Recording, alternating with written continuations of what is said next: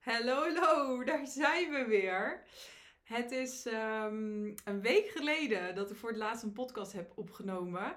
En dat is voor mij doen best wel lang, want ik neem normaal drie podcasts per week op. Uh, maar het heeft een goede reden, want we waren namelijk op vakantie met z'n drietjes. En um, dat was heel erg fijn. Uh, maar onze vakantie nam ook een hele interessante wending. Misschien heb je het meegekregen op Instagram. Maar halverwege de week, in het begin van de week, was mijn schoonmoeder trouwens ook nog bij ons. We gaan, uh, nu al, zijn nu al een paar keer naar hetzelfde vakantiepark geweest. En het vinden we heel fijn. Het is heel erg gericht op gezinnen, op kinderen. Er is een heel fijn zwembad. Dus daar gaan we meestal een midweekje heen. En dan uh, komt mijn schoonmoeder ook. Een paar dagjes. Dus zij was er in het begin van de week. En het grappige was, op het moment dat ze wegging, uh, werden we alle drie ziek. Of althans, mijn vriend die was al een beetje ziek, maar toen waren we dus alle drie ziek. En uh, uh, mijn vriend en ik hadden best wel zware griep te pakken. En eh, Daniel, die kreeg waterpokken. Iets waar ik al best wel lang op aan het wachten was. En ik, had, ik hoopte ook eigenlijk wel, want hij is nu drie. Uh, of nou ja, wel ruim drie. 1 november is hij drie geworden. Dus ik hoopte ook steeds dat hij, dat hij het nou eindelijk eens zou krijgen. Want het leek me zo zielig. Als hij ouder zei dat hij zou zijn, dat hij het dan zou krijgen. Want blijkbaar hebben ze er dan meer last van. Um, dus hij kreeg het eindelijk, maar midden in onze vakantie. Dus dat was echt heel interessant. Dus we lagen er best wel af. En uh, we hebben eigenlijk, ja, dus de twee laatste dagen 2,5 dag alleen maar in het huisje op de bank gelegen. dus dat was niet echt meer vakantievibes. Maar alsnog konden we wel gewoon uh, positief blijven. En hebben we wel, uh, wel genoten, zeg maar, van de vakantie. Um, maar dat maakt dus ook dat. Um, ik was eigenlijk sowieso niet van plan om podcast op te nemen. Nou, ik had eigenlijk bedacht, misschien ga ik nog eentje wandelen doen. Dan gewoon zonder video. Maar het is er gewoon niet meer van gekomen. Dus ook omdat we ziek zijn geworden. En uh, ik was wel echt wel een paar dagen. Um, had ik hem wel te pakken. En ook gewoon echt moe. Dus, dus ik vond het ook wel fijn om even. Uh, ook niet met uh, andere dingen, zeg maar, bezig te zijn. Maar hier ben ik weer, dus er is weer een nieuwe podcast. Allereerst, um, welkom bij de Dieneke Mulder podcast, een nieuwe aflevering. De podcast voor vrouwen met de wens voor een tweede kindje, maar die ontzettend opzien tegen hun tweede bevalling, doordat de eerste bevalling niet zo'n hele fijne ervaring was. Alright. En deze aflevering is deel 2 Um, want de laatste aflevering die online staat is deel 1. En die aflevering heb ik genoemd Het Roer om. Want zo uh, voelde dit jaar voor mij. Het jaar 2022 is bijna ten einde. Dus het is ook wel leuk om, om deel 2 nog wel deze week te kunnen opnemen. Uh, nu het uh, jaar nog net niet voorbij is. Um, maar deel 1 staat dus inmiddels online. Mocht je die nog niet geluisterd hebben, dan is het wel denk ik heel tof om die eerst te luisteren voordat je verder gaat met deze. En een korte samenvatting. Um, in 2022 is er heel veel veranderd in mijn leven. Ik denk dat het het meest bijzondere jaar ooit is geweest. Denk ik wel. En um, in, die, in dat eerste deel vertel ik heel veel aan wat er aan vooraf ging. Dus wat er in de periode voor begin 2022 allemaal is veranderd, is gebeurd. Het gaat natuurlijk heel erg over mijn bevalling en de periode daarna. En hoe ik daardoor heel veel heb geleerd over mezelf. En um, heel veel inzichten heb gekregen en andere keuzes ben gaan maken. Um, dingen ben gaan doorbreken. En um, ja, gewoon zelf ook best wel veranderd ben als persoon. En um, het laatste ook waar ik mee afsloot in die aflevering is dus... Want de grootste beslissing, dat is me goed om te benoemen. De, ja, ik denk de grootste beslissing die ik heb gemaakt... Um, dus afgelopen jaar, dat was dus eind 2021... is dat ik ontslag heb genomen van mijn baan en loondienst. Zonder dat ik iets anders in het vooruitzicht had. Ik had wel uh, dromen en ideeën, maar er stond nog helemaal niks vast. Dus ik heb gewoon ontslag genomen en dat, dat was het. En uh, nou ja, wat daartoe heeft geleid, zeg maar, dat leg ik in uh, deel 1 uit. Um, en in deel 1 sluit ik ook af met um, ja, dat ik eigenlijk mijn bevalling zie als um, iets, ja, mijn allergrootste zeg maar, levensles, het allergrootste inzicht wat ik tot nu toe in mijn leven heb gekregen. En um, ja, de rode draad, het thema van mijn bevalling was heel erg dat ik me niet gezien en niet gehoord voelde. Voornamelijk door het zorgpersoneel. En heel lang ben ik daar best wel boos en gefrustreerd over geweest. En ik vond ook dat het, dat het echt hun schuld was dat mijn bevalling zo is gelopen. Uh, zo gelopen is, ja, zo is gelopen als dat ik niet had gewild, laat ik het zo zeggen. Uh, maar uiteindelijk mijn uh, biggest eye-opener is geweest dat ik, dat ik eigenlijk begon te zien, als ik me niet gezien en gehoord voel, dan gaat het in essentie over mij en niet zozeer over de mensen die, waarvan ik vind dat ze mij hadden moeten zien en naar mij hadden moeten luisteren. Het gaat eigenlijk nog veel dieper. Het gaat terug naar mijzelf. En wat nou maakt dat ik me niet gezien en gehoord voelde. En nou ja, toen kwam ik erachter. Um, ja, dat was een beetje stapje voor stapje. Maar uiteindelijk vielen de puzzelstukjes steeds meer op zijn plek. En kwam ik erachter dat ik in heel veel andere situaties in mijn leven eigenlijk nooit echt goed heb geluisterd naar mijzelf. En vanuit daaruit mijn behoeftes heb uitgesproken. En dat ik heel veel keuzes daarvoor altijd maakte uit een soort van dat ik mezelf wilde bewijzen. Uh, ik was een extreme people pleaser. Ik vond het heel belangrijk wat andere mensen van mij vonden. En op basis daarvan maakte ik vooral keuzes. En best wel belangrijke keuzes. Onder andere op het gebied van werk.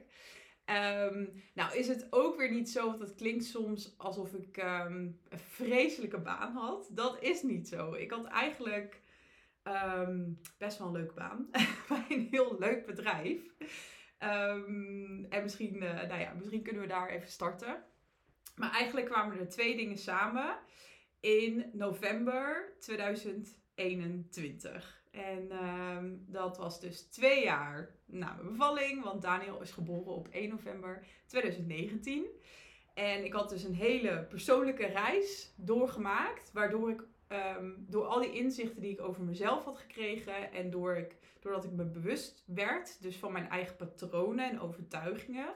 En mijn patronen bedoel ik bijvoorbeeld wat ik net noemde. Ik was heel erg een people pleaser. Ik was heel erg bezig met van, oh, doe ik het wel goed genoeg? En wat zullen andere mensen van me vinden? En ik had ook heel extreme bewijsdrang. Uh, dus ik werkte altijd heel hard. Um, en dat was ook een beetje mijn, en mijn valkuil. Maar ook waardoor ik heel erg over mijn eigen grenzen ging. En uiteindelijk over puzzelstukjes gesproken. Dat leg ik ook in deel 1 uit. Maar uh, nu zie ik ook heel erg de, de connectie met het feit dat ik een burn-out heb gehad in 2013 bijvoorbeeld. Dat heeft, dat heeft allemaal met elkaar te maken, zie ik nu. Um, maar goed, in november kwam dus heel veel eigenlijk samen. En ik voelde al langer dat uh, bij het bedrijf waar ik destijds werkte, nogmaals, echt een heel erg leuk bedrijf. En uh, ik heb daar vijf jaar gewerkt uiteindelijk.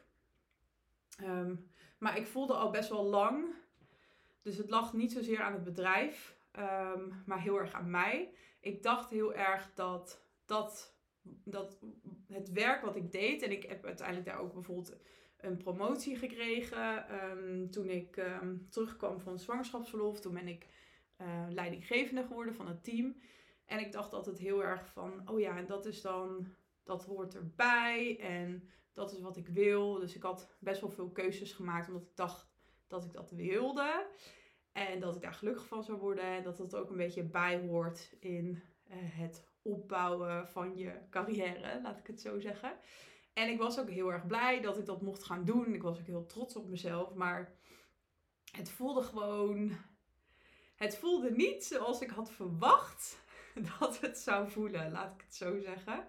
En uiteindelijk ben ik wel uh, anderhalf jaar dus leidinggevende, dus teamlead heette dat, leidinggevende geweest.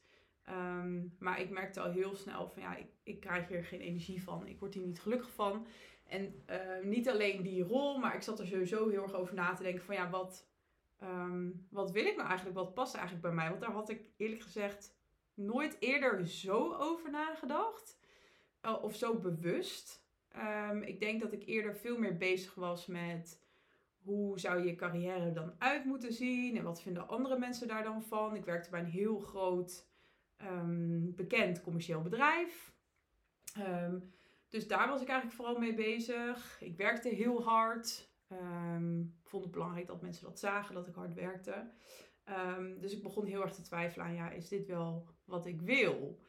Uh, dus dat wat betreft mijn werk. Daarnaast heb ik altijd al een hele grote passie gehad voor persoonlijke ontwikkeling. Dat heb ik ook in deel 1 verteld. Maar ik denk dat een van de grootste redenen is dat ik al die inzichten heb opgedaan. Omdat ik zelf, uh, dat heb ik altijd al in me gehad, extreem nieuwsgierig ben.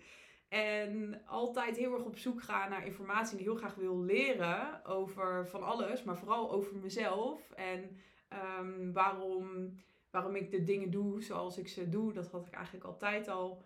Um, zat dat in me. Dus ik las altijd heel veel. Ik luisterde al super veel podcasts. Um, ik ben echt een beetje, ja, bijna denk ik verslaafd. Want het klinkt een beetje negatief, maar verslingerd aan uh, persoonlijke ontwikkeling. Dat vind ik echt heel erg leuk. En daarnaast heb ik ook altijd um, heel erg opengestaan voor hulp. Dus um, ik vind het sowieso leuk om nieuwe dingen te proberen, maar ook nieuwe manieren van hulp, van coaching. nou, ik heb dus een hele goede psycholoog gevonden na mijn bevalling om mij te helpen bij, de verwerking daarvan. maar dat is iets waar ik, waar ik totaal geen moeite mee heb om in die zin hulp te vragen. Wel op andere vlakken, maar, maar hiermee niet. Dus als ik me niet goed voel, dan. Um, ik zou denk niet heel snel tegen iedereen om me heen zeggen. Uh, wel tegen de mensen die echt heel dicht bij me staan, maar niet tegen zeg maar Jan Alleman. Wel deze podcast, wel grappig trouwens, daar heb ik dan minder moeite mee. maar, niet zeg maar tegen iedereen dan om me heen. Maar ik heb in principe geen um, moeite met dus hulp zoeken in de vorm van een coach of een psycholoog of een therapeut of um, nou, whatever. Of dus op zoek gaan naar bepaalde informatie in boeken of in podcast of video's. Um, dus dat zat altijd heel erg in me. En dat heeft denk ik heel erg bijgedragen aan mijn reis. En ook waarom het denk ik ja, relatief snel is gegaan. Want eigenlijk vanaf het moment dat ik ben bevallen en uiteindelijk heb ik dus ook bij die psycholoog de diagnose PTSS gekregen. Wat niet ja, mild is, om het zo maar te zeggen. Maar um, vanaf toen tot zeg maar twee jaar later, ja, en als je dan kijkt hoe ik er eerst in stond en hoe ik er nu in sta, vind ik dat nog in een vrij kort tijdsbestek, als het ware. En ik, ja, ik denk dat dat heel erg te maken heeft dus met mijn eigen mindset en dat ik zo leergierig ben en dat ik heel erg open sta om mezelf te ontwikkelen en over mezelf te leren. Dus dat had ik altijd al in me zitten. Ik heb ook psychologie gestudeerd. Misschien dat, nee, dat heb ik nooit echt eerder, denk ik, benoemd. Ehm, dus die studie paste, denk ik, ook heel goed bij mij. Want ik vind menselijk gedrag mega interessant.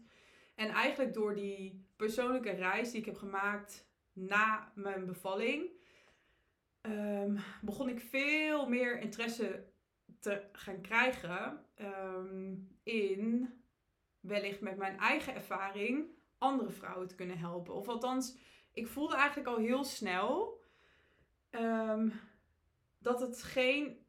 Ja, ik kan me dat niet voorstellen, maar het voelde al heel snel alsof het geen toeval was dat ik dit heb meegemaakt, laat ik het zo zeggen.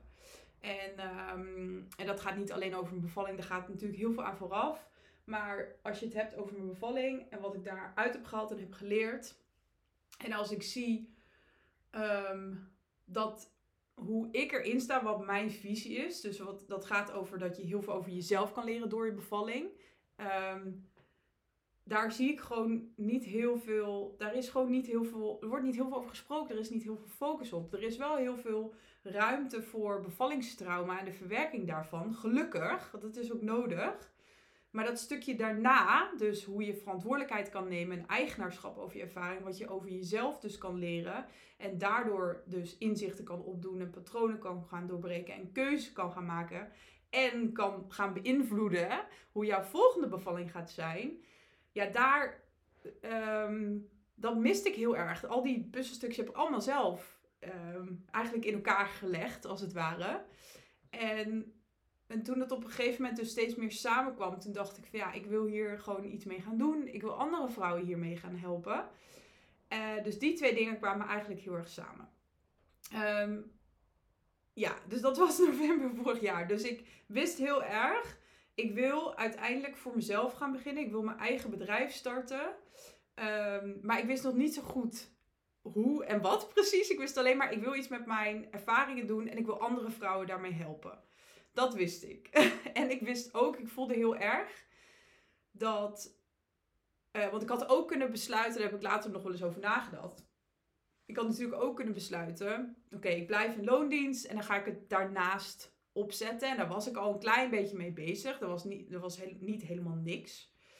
Um, maar ik voelde ook heel erg dat Um, dat dat niet, dit klinkt een beetje vaag, maar dat dat niet de juiste energie voor mij was. Want dat werken in loondienst en elke dag, uh, nou ja, toen was het nog vrij veel vanuit huis werken, maar ik wist ook dat dat bedrijf weer zou gaan verwachten dat, dat we terug naar kantoor zouden gaan. Dus dan zou ik weer elke dag ook met de trein moeten reizen.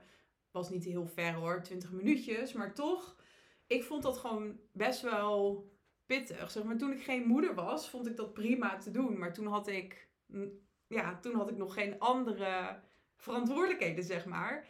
En ik vond het gewoon, ehm, ja, ik vond het best wel pittig. Ik maakte lange dagen. En dan zat ik in de trein en ik zei altijd voor de grap daarna dat. Ik zat altijd een beetje zo gefrituurd in de trein terug. Dan zit je echt in zo'n hele, want ik zat op een heel druk traject. Zit je in zo'n volle intercity, helemaal tegen elkaar aangedrukt helemaal met een gefrituurd hoofd, weet je wel, gewoon helemaal overprikkeld en moe. En dan kom je thuis en dan ga je ga je, je kind uit de opvang halen. En dan ben je gewoon helemaal kapot en dan is de dag alweer voorbij. En ik, en ik weet dat voor mij is dit ook gewoon tien jaar realiteit geweest. En ik heb heel lang gedacht, het klinkt een beetje gek, maar ik heb heel lang gedacht, dit is gewoon het leven, dit is de realiteit. En hier moet ik het gewoon mee doen. Um, dat dacht ik heel lang. En ook als ik wel eens nadacht over ondernemerschap, want ik ben nu ondernemer. Ik heb officieel twee bedrijven. Maar daarvoor had ik altijd een soort van overtuiging. Als ondernemer word je geboren. Um, of je hebt heel veel geluk. Of dat is, ik had heel erg gemogen dat is alleen voor een bepaald soort mensen. en niet voor mij. dat dacht ik altijd. Dus ik had allerlei ja, overtuigingen en ideeën. En uh, nou, ik vond mezelf ook best wel ja, bijna zeg maar, ja, bevoorrecht. Ik had gewoon een goed salaris. Ik werkte bij een superleuk bedrijf waar heel veel mensen wilden werken. Een heel bekend bedrijf. Dus ik dacht echt, ja, moet ook gewoon niet zeuren, weet je wel. Ik kan ook gewoon blij zijn met wat ik heb. Maar toch voelde het niet goed. Um, omdat ik me elke dag zo voelde. En nogmaals, dat lag niet aan het bedrijf, maar meer dat soms als ik het wel eens probeer te omschrijven, ik denk dat ik, um, nou, je hebt wel, misschien is dit een goede uitleg. Je hebt toch van die doosjes die, uh, die als je kindje ongeveer één is of zo, denk ik, of nee, vanaf zes maanden misschien wel, dan heb je toch van die figuren doosjes. En dan kan je dan door van die gaatjes, kan je dan zeg maar blokjes drukken.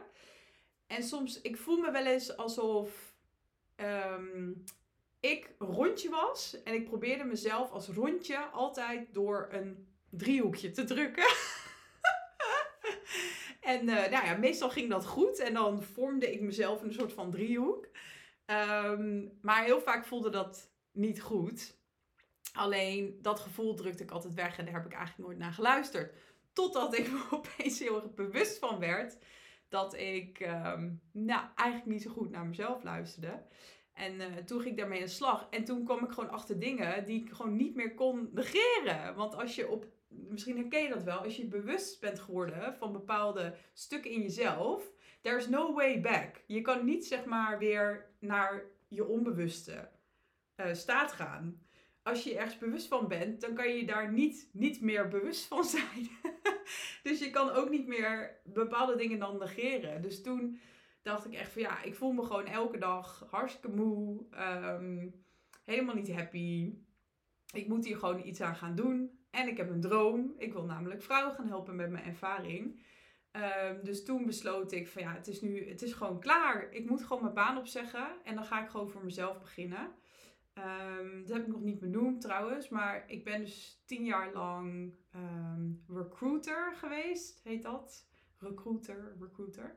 En ik help dus bedrijven aan, uh, aan personeel. En dan heel specifiek zit ik in de ICT-hoek, de IT-hoek. Dus ik help bedrijven met het werven van ICT-personeel. Ehm, dus mijn idee was, ik ga mijn baan opzeggen en dan begin ik gewoon mijn eigen bedrijf. mijn eigen recruitmentbedrijf. Want dan kan ik daar in eerste instantie omzet mee draaien. Want het leek me een beetje... Ja, het leek me heel ambitieus.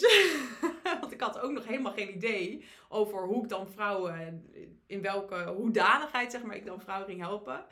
Uh, dus ik dacht, ja, dat is niet heel realistisch om daar vanaf dag één omzet mee te kunnen draaien. Terwijl ik doe al tien jaar recruitment. Dat kan ik heel goed. Ik weet precies hoe het werkt. Dus dat gaat een stuk makkelijker zijn om daar zeg maar een bedrijf in te starten. Um, dus dat was mijn idee. Dus toen heb ik in november echt met knik in de knie, ik vond het heel spannend, ben ik in gesprek gegaan met mijn manager en haar manager. Um, en toen heb ik gewoon alles heel eerlijk verteld. Ja, ik ben gewoon helemaal eerlijk geweest. Het was ook een emotioneel gesprek. Ik heb echt nog gehuild. Omdat het heel dubbel voelde. Want aan de ene kant voelde het als um, een goede beslissing. Maar ik vond het ook heel eng. En ik had ook constant, zei er een stemmetje van... Wat ben je aan het doen? Weet je wel wat je achterlaat? Um, en waarvan ik nu weet, dat is je ego, wat je veilig probeert te houden. Maar ik vond dat heel lastig. Het voelde echt voor mij um, als een hele, hele diepe uh, sprong. Een hele enge, diepe sprong vooral. Ook omdat ik nog niet wist hoe dan de toekomst eruit zou, gaan zien. Um, maar ik heb het wel gedaan. Dus ik had mijn baan opgezegd. Fucking eng. Maar um, en toen heb ik mezelf bij de KVK ingeschreven. Um, met mijn recruitmentbedrijf. Dus ik had een naam bedacht en zo. Met het idee van ik ga gewoon freelance opdrachten doen. Uurtje factuurtje. En daarnaast wat ander type opdrachten. Dat heet dan no cure no pay. Dus dat betekent dat je alleen uh, betaald krijgt zodra je echt uh, een nieuw personeelslid plaatst, heet dat, bij een bedrijf. Dus die combinatie wilde ik gaan doen. En dan daarnaast wilde ik met mijn andere ideeën aan de slag. Dus om vrouwen te gaan helpen met mijn bevallingservaring. Um, ik zit even te kijken hoe ik zit qua tijd. Want oh my god, ik zit alweer over de 20 minuten heen. En het liefst wil ik altijd een beetje mijn podcast rond de 30 minuten houden. Maar dat gaat denk ik met deze niet lukken. Oké, dus dit is gewoon... Dit is hoe het is gegaan, zeg maar. Dus de... de um, dus dat hele moment ook van mijn baan opzeggen en zo. Dus ik vond het echt tering eng. Um, but I did it.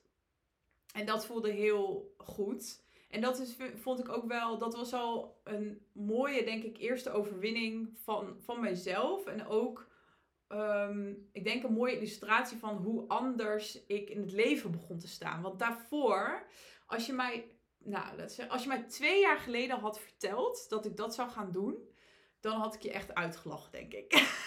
Want ik was eigenlijk altijd super risicovermijdend. Ik vond alles heel spannend. Ook daar is een reden voor. Maar um, eigenlijk uh, durfde ik nooit dit soort keuzes te maken.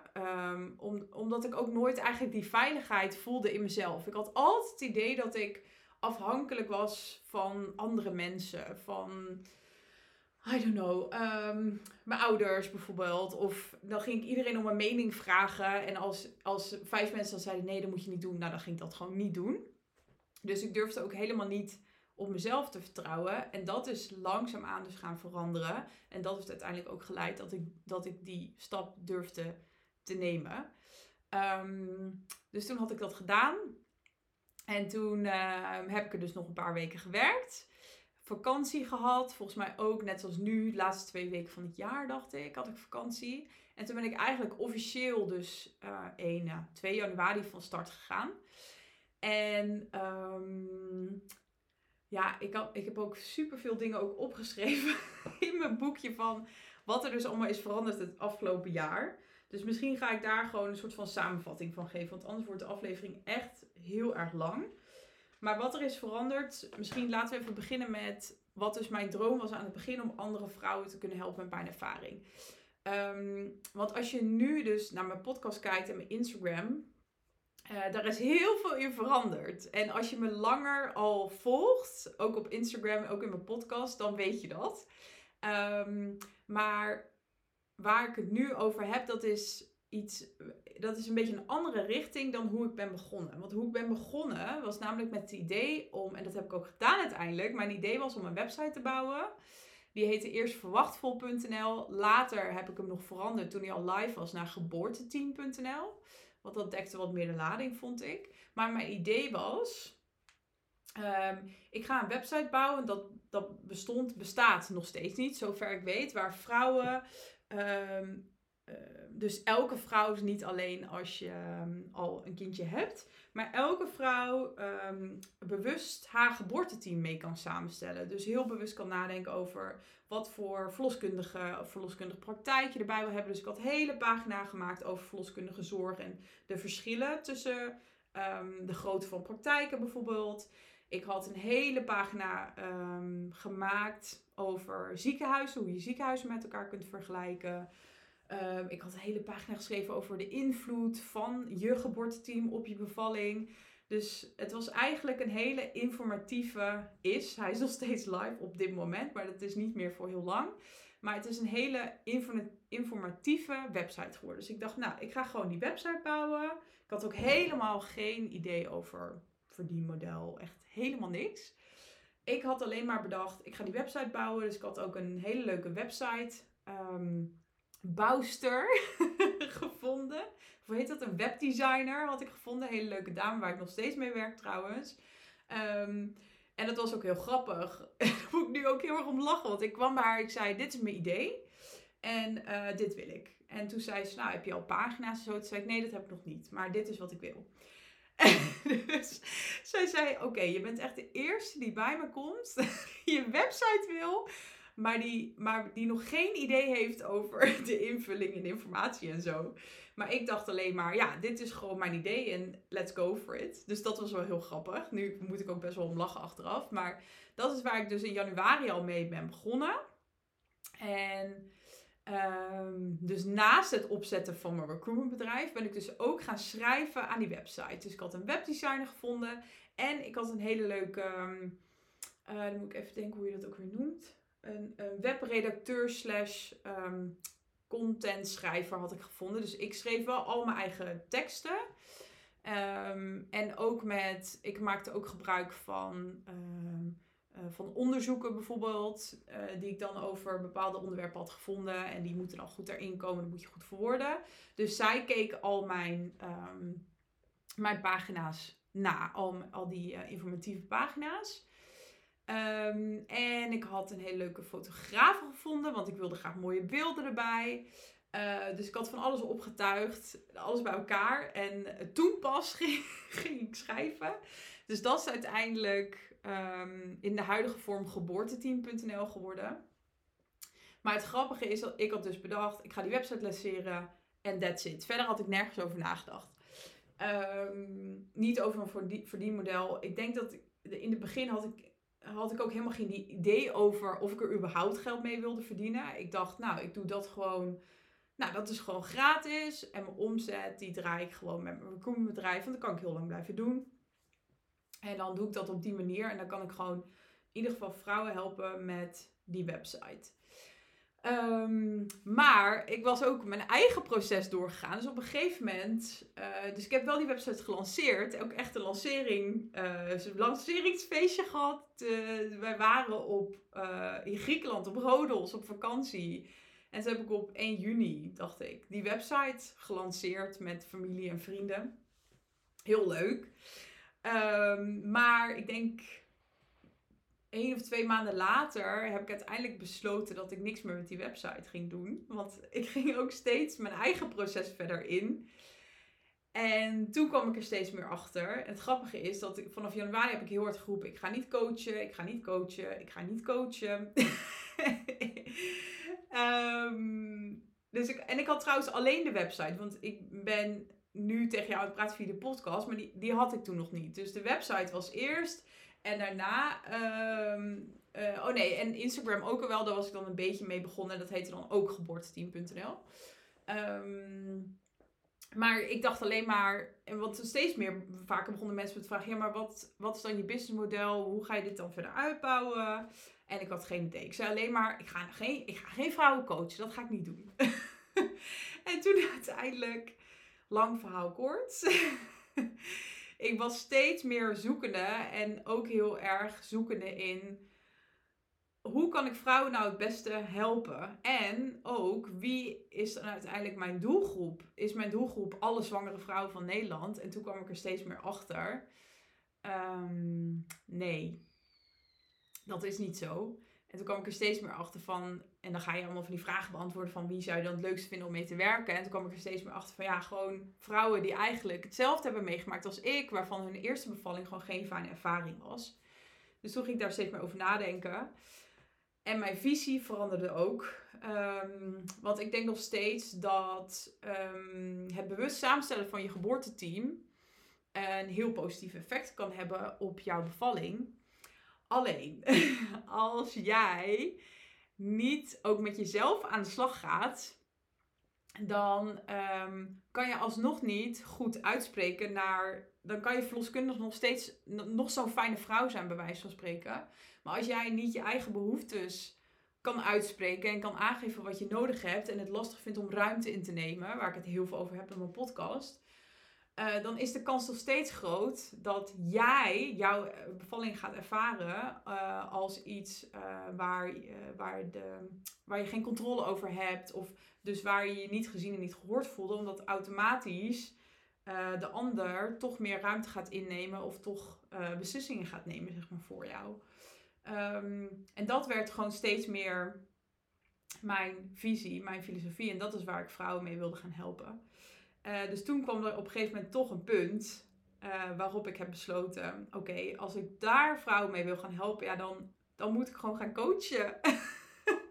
en dat vond ik heel moeilijk. Geen idee waarom.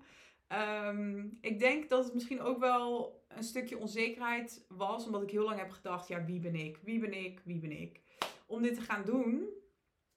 Maar uiteindelijk begon ik een stukje bij beetje steeds zekerder over te voelen. Ook omdat ik begon met vrouwen in gesprek te, ga te gaan. Ik heb heel veel onderzoeksgesprekken gehad. Jezus. Onderzoeksgesprekken. en gewoon, nou ja, vanuit nieuwsgierigheid. Ook gewoon via DM, Instagram. Heel veel um, gaan praten en gesprekken aangegaan.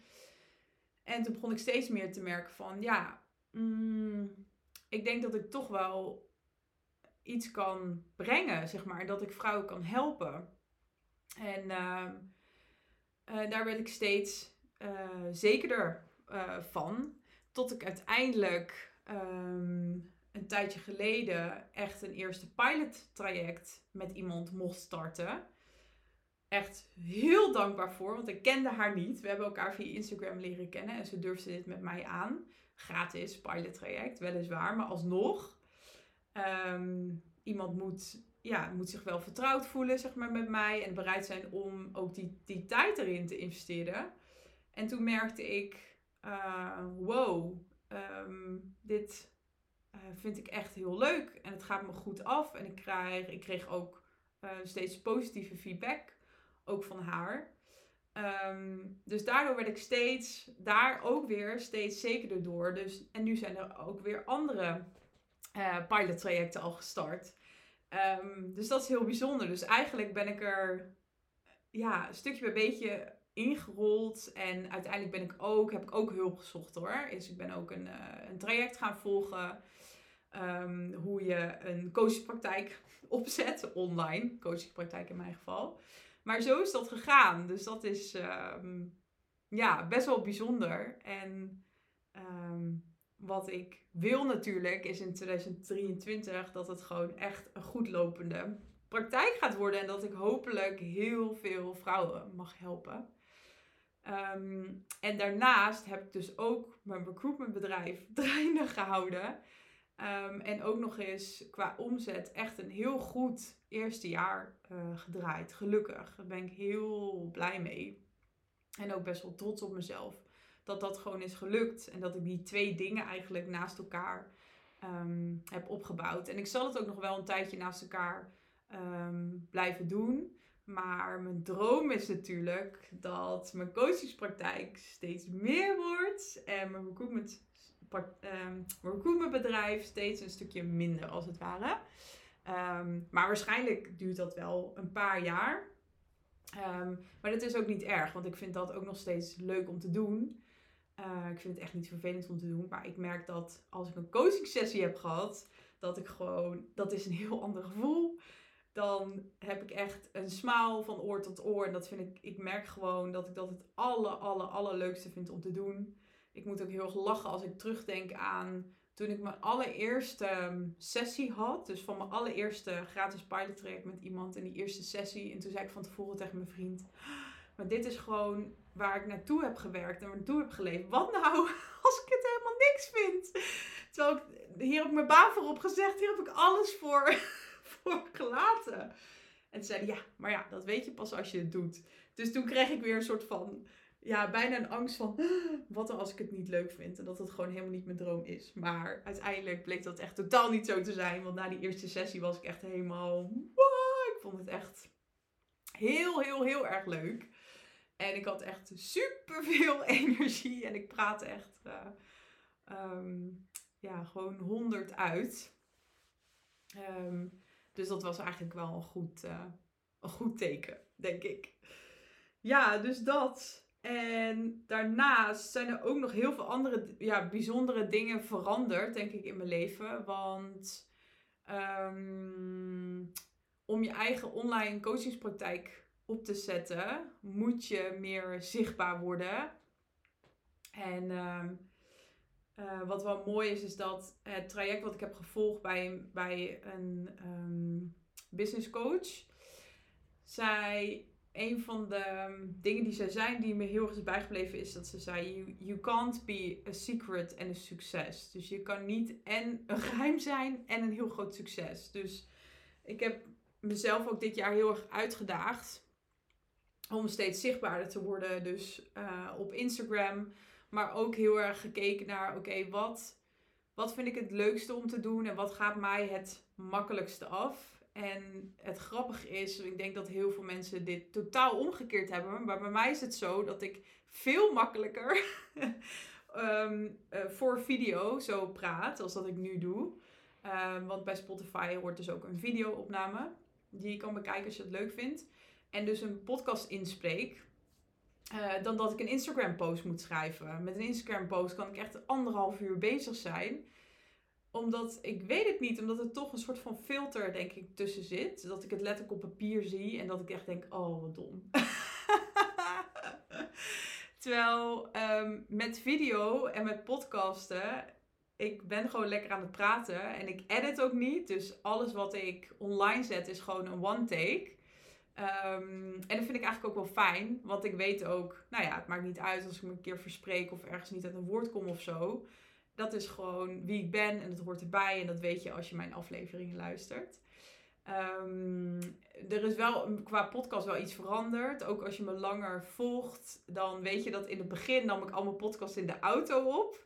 Ik volg um, twee keer in de week krachttraining. Dan elke keer als ik daarheen reed, nam ik een podcast op. En dat heb ik op een gegeven moment um, gewijzigd. Uh, ook doordat ik erachter kwam dat je dus bij Spotify ook een, een um, videobestand kunt uploaden. Um, en ik dacht, als ik al een videobestand heb, dan kan ik daar weer andere content uithalen. Dus kan ik daar kleine snippets uithalen voor TikTok bijvoorbeeld. Daar ben ik mee begonnen. En voor Reels van Instagram. Um, dus dan hoef, hoef ik daar niet nog ook weer aparte video's af en toe misschien wel hoor. Maar dan hoef ik niet ook nog daar aparte video's voor op te nemen. Um, dus dat is wel veranderd. Uh, dus nu doe ik, zoals je ziet, al mijn opnames uh, thuis of voor degene die luistert. Um, ik doe dus mijn opnames altijd in ons uh, ja, soort van werkkamertje. Dus je ziet altijd wereldkaart. Zie je hem? Even kijken. Op de achtergrond, hier is hij. En toevallig heb ik nu, meestal heb ik gewoon van die droogbloemen staan, maar ik heb nu echt een mooie bos bloemen staan. Toevallig gekregen van een samenwerkingspartner van uh, uh, weer van mijn recruitmentbedrijf. Um, dus vond ik wel leuk om even hier neer te zetten. Um, maar dat is dus veranderd wat betreft mijn podcast. Maar ja, als, kijk nu als je me ziet, denk je, nou, gaat, gaat er best wel makkelijk af. Maar in het begin vond ik het ook wel. Ik vond het ook spannend. Ik vond het een hele grote stap om die podcast te beginnen. En in het begin dacht ik, oh, wat als ik geen inspiratie heb. Maar ook daar heb ik helemaal een, ja, een hele goede modus in gevonden. Ik heb mezelf een soort van commitment gemaakt. Drie keer in de week neem ik een aflevering op. En uh, nou ja, met uitzondering dan van vorige week. Maar die weken daarvoor heb ik altijd drie afleveringen online gezet. Naast mijn eigen aflevering heb ik ook nog niet genoemd, maar doe ik dus ook interviews. Vond ik ook heel spannend in het begin, maar ik vind het nu echt, ja, ik denk wel een van de allerleukste dingen om te doen. En met die interviews heb ik ook net iets andere insteek. Dat gaat niet alleen maar over vrouwen die dus um, opzien tegen hun tweede bevalling. Maar het is wat, wat breder spectrum uh, aan verhalen van um, vrouwen die ja, een beetje een negatieve ervaring hebben gehad rondom het moederschap. Dus ik heb ook twee vrouwen geïnterviewd die um, een uh, postpartum depressie, ja, postpartum depressie hebben gehad. Ook uh, negatieve bevallingservaringen. Uh, maar er komen ook in het nieuwe jaar andere inspirerende interviews aan. Die weer met andere facetten van het moederschap te maken hebben, laat ik het zo zeggen. En dan, uh, ja, mijn visie is daar natuurlijk heel erg in verweven. Dus ik vraag het heel erg door op wat heeft het je gebracht? Waardoor werd het een kantelpunt in je leven? Wat is het positieve wat je eruit hebt gehaald? Dat vind ik ja, mega interessant. Uh, dus dat over de interviews. Nou ja, ik zit op Instagram. Dat is best wel nieuw. Maar um, daar wil ik wel ook meer commitment aan gaan geven. Dus ook meer gewoon uh, consistent reels gaan maken. Bijvoorbeeld met, echt met... ja, waarde delen. Um, ik zit op TikTok. Daar wil ik ook vanaf januari meer mee gaan doen. Dus veel frequenter. Uh, video's ook online gaan zetten. Um, dus dat is er gebeurd. Nou, ik noemde het net al even. Ik ben twee keer in de week krachttraining gaan doen. Het heeft mij heel erg geholpen om ja, me sterker te voelen, zeg maar. Maar ook meer vertrouwen weer terug te krijgen in mijn lichaam. Dat is best wel bijzonder. En um, wat ik helemaal ben vergeten te noemen trouwens. Ik heb het nu heel erg over mijn coachingpraktijk en mijn recruitmentbedrijf en hele praktische dingen. Maar ik denk dat een van de meest bijzondere dingen is, is dat mijn vriend en ik begin dit jaar uh, besloten om voor een tweede kindje te gaan. Wat we daarvoor, um, nou ja, we wisten het wel, maar we waren nog een beetje... Um, nou, bij mij heeft het best wel lang geduurd, omdat ik dus heel erg opzag om tegenop zag om nog een keer te bevallen. Um, maar dat is dus, ja, dat is heel erg veranderd. Ik, um, ik zou het nog steeds spannend vinden, maar ik kijk er ook heel erg naar uit. Dus ik denk dat dat best wel bijzonder is. Um, dus we hopen dat we in 2023 hopen dat we dan mogen aankondigen dat ik zwanger ben. Let's see.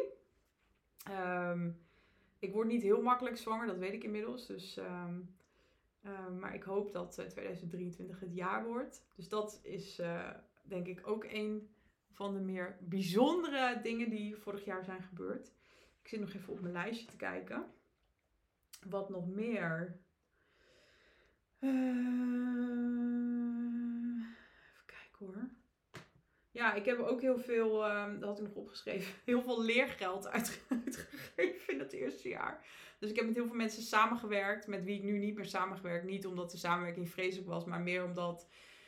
Mm, ik denk dat ik in het begin heel erg dacht dat ik bepaalde dingen niet kon. En daardoor, daar, daardoor heel veel hulp inschakelde. Maar uiteindelijk steeds zekerder werd van mezelf.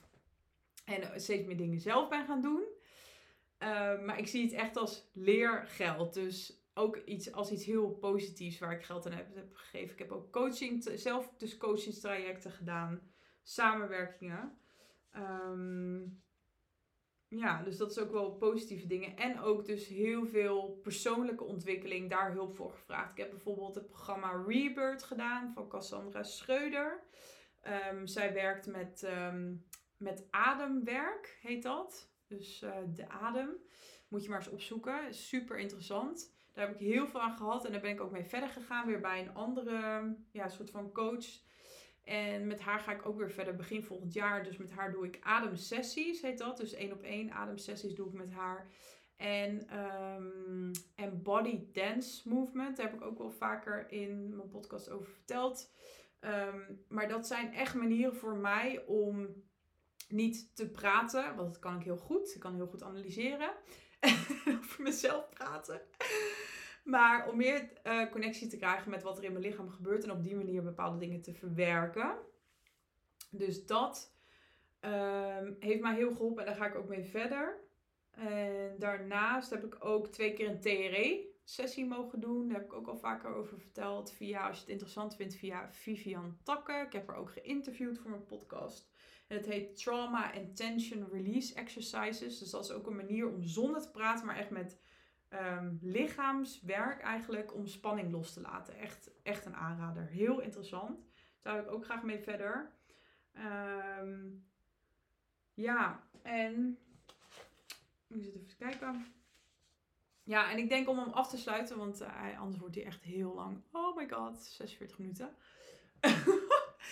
ja, ik denk om af te sluiten, wat er voor mij het allergrootste wat er is veranderd het afgelopen jaar, is dus die inzichten die ik uit mijn bevalling heb gehaald. Dus echt vanaf dat moment, toen ik wist van, oké, als ik me gehoord en gezien wil voelen, dan moet ik dat eerst dan moet ik eerst mezelf naar mezelf luisteren en mezelf zien en daaruit mijn behoeftes aangeven. Dus eigenlijk 100% verantwoordelijkheid nemen voor alles wat je overkomt. Dat is wat ik op dat moment ben gaan doen. En dat ben ik gaan toepassen op alles in mijn leven. En dat heeft zo ontzettend veel veranderd. Dus heel veel dingen waar ik dan eerder gefrustreerd over kon zijn, richting familie of vriendinnen, schoonfamilie, you name it. Ik begon opeens in al die situaties te denken: oké, maar welke verantwoordelijkheid kan ik hier pakken? Wat kan ik zelf doen? Hoe kan ik zelf de regie nemen? Wat kan ik zelf veranderen? En um, dat is echt niet makkelijk, maar het heeft mij zoveel bevrijding gegeven. Gewoon het feit dat je in elke situatie, wat je ook overkomt, kan denken: hoe ga ik hiermee om? In plaats van constant te blijven hangen: ja, maar hij of zij moet. Of uh, het is de schuld van de situatie of dit of dat.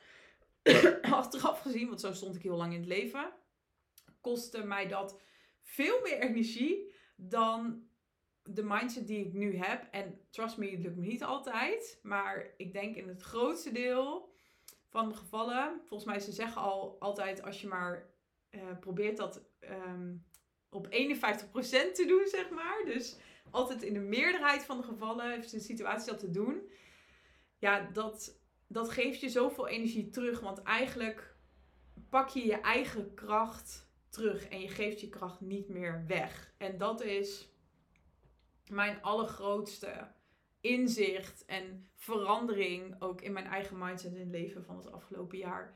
En ik denk ook de reden waarom het me is gelukt om twee bedrijven op te starten. En um, ja, en om gewoon mijn coachingspraktijk te beginnen, die echt nog helemaal aan de basis staat hoor. Um, don't get me wrong, maar ik ben er wel heel erg trots op en dankbaar voor dat er vrouwen zijn die dit jaar met mij wilden werken en die ik heb mogen coachen. En ook vrouwen met wie ik in het nieuwe jaar ga starten. Um, ja, dat, dat is gewoon, dat is en was mijn droom. Is nog steeds mijn droom. Dus Um, nou ja, je ziet het ook als ik daarover vertel, dan ga ik gewoon stralen. Dat vind ik gewoon het aller, allerleukste om te doen. Ik vind het heel mooi dat ik juist door die ervaring um, zelf heel veel heb geleerd, maar ook andere vrouwen mag, um, ja, mag helpen eigenlijk. Dus daar wil ik hem mee afsluiten. Oké, hij is echt heel lang geworden, maar ik hoop dat ja, dat je er iets aan hebt gehad, dat je het interessant vond om te luisteren. Ook het stukje over coaching uh, en wat ik vertel hè, over, nou ja, als je de wens dus hebt voor een tweede kindje, maar je ziet op tegen je bevalling. Wil je daarmee aan de slag in het nieuwe jaar? Misschien wel met mij. schroom dan vooral niet om mij een DM'tje te sturen via Instagram. Ik ben echt heel eerlijk. Als ik je niet kan helpen, dan zeg ik dat ook. Uh, of dan probeer ik je door te verwijzen naar iemand die dat wel heel goed zou kunnen. En uh, ik zou het heel leuk vinden als je je verhaal met mij deelt. En als je mij persoonlijk helemaal niet echt wil spreken, dan kan het ook. Dan kan je gewoon een videogesprek met mij inplannen. En dat kan via de link hieronder in de show notes. Dan kan je gewoon rechtstreeks in mijn agenda iets inplannen. Dus um, wellicht gaan wij elkaar ontmoeten. Dank, dank, dank voor het luisteren. Nog één ding. Uh, ik krijg steeds meer reviews. Daar ben ik echt super, super blij mee. Mocht je nou deze podcast um, leuk vinden, luister je met veel plezier naar mijn afleveringen. Zou je me dan alsjeblieft een 5 sterren review willen geven? Dat kan via Spotify en je hoeft echt alleen maar de sterretjes gewoon aan te klikken. Het is echt twee seconden werk. Of uh, via Apple Podcast, want daar kan je mijn podcast ook beluisteren. volgens mij moet je dan helemaal naar beneden scrollen en dan kan je ook een review achterlaten. Nogmaals, echt twee seconden werk, maar je doet mij er een heel groot plezier mee. En je zorgt ervoor dat andere vrouwen mijn podcast beter vinden. Dus dank je wel daarvoor alvast. En tot de volgende